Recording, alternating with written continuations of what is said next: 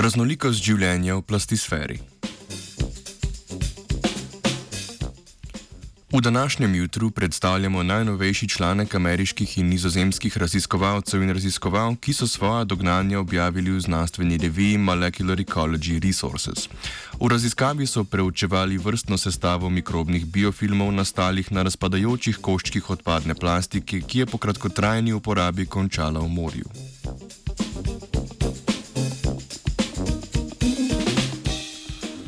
Kosi odvečne plastike, ki se po uporabi bodi si namenoma, bodi si po naključju znajdejo v morskih okoljih, se tam razgrajujejo na vse manjše koščke in potujejo naokrog.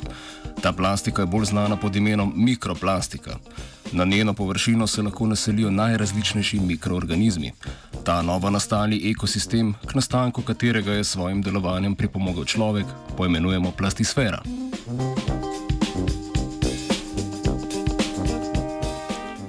Na majhnih koščkih plastike mikroorganizmi tvorijo biofilme, kompaktne mikrobne združbe, ovite v debel sloj polisaharidov, ki jih ščiti pred zunanjimi stresnimi dejavniki.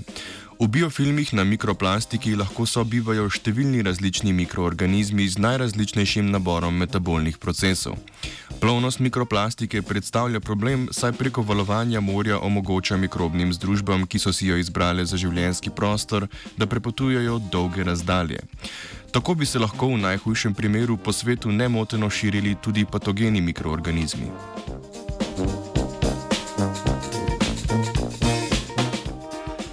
Na mikroplastiki bivajoči mikroorganizmi lahko tudi vplivajo na hitrost razgrajevanja plastike in spreminjajo njen okus, kar jo naredi bolj privlačno za prehrano posameznih morskih organizmov, ki jo nevede zamenjajo za plankton.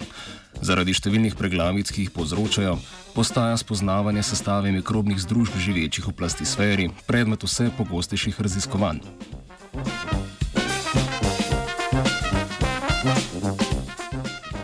V opisani raziskavi so znanstvenice in znanstveniki več tednov na različnih lokacijah v Atlantskem oceanu spremljali, spremljali naseljevanje mikroorganizmov na koščke polietilena.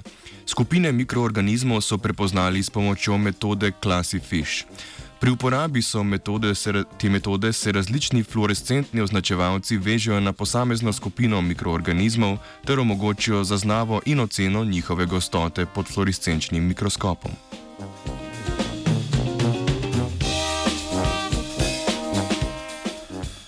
Prvih dneh so na plastiki zaznali veliko diatomenskih alg, cianobakterij in zooplanktona. Po prvem tednu je število diatomej začelo upadati.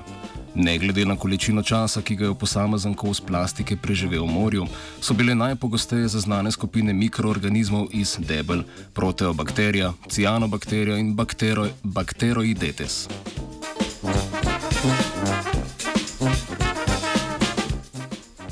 Med posameznimi lokacijami vzorčenja so opazili razlike v pogostosti diatomej in cianobakterij na površini mikroplastike in tudi raznolikost pri sestavi mikrobnih združb. V prihodnjih raziskavah lahko pričakujemo tudi nova dognanja o tem, kako različne vrste plastike vplivajo na rast posameznih vrst mikrobov na mikroplastičnih delcih in kako na sestavo nastajajočih biofilmov vplivata geografska širina in podnebje.